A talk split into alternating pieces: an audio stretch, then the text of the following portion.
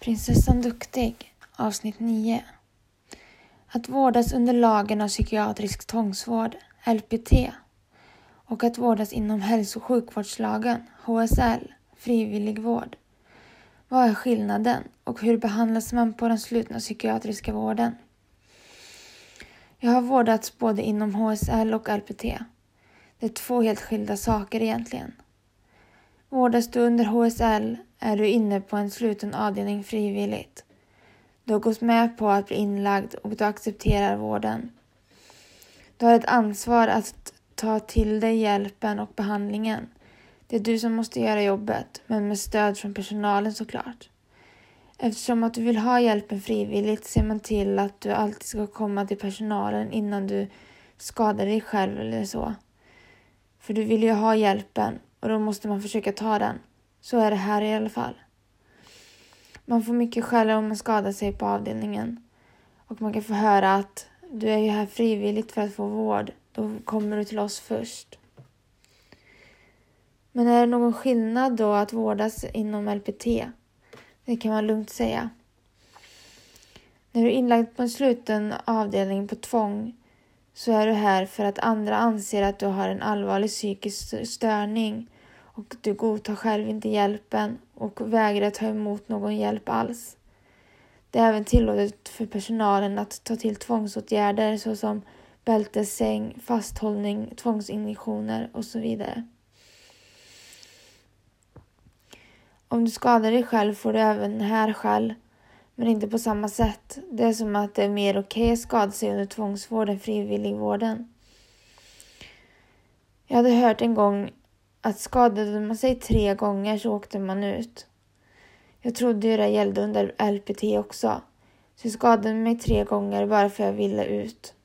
Men så lätt var det inte. Det räknades inte under tvångsvården.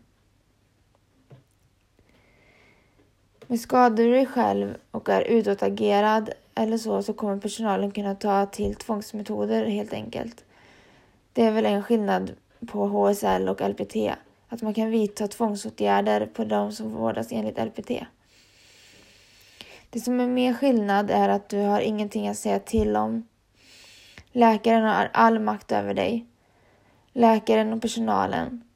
Du har inget att säga till om. De bestämmer för dig hur vården ska se ut, hur länge du ska vara där, vad för mediciner du ska ta, att du äter, allting. Min senaste långa LPT-inläggning var i somras. Från början av juli till slutet av september. Det var tio långa veckor. Så länge hade jag inte behövt lägga inne på LPT tidigare. Så det blev lite nytt.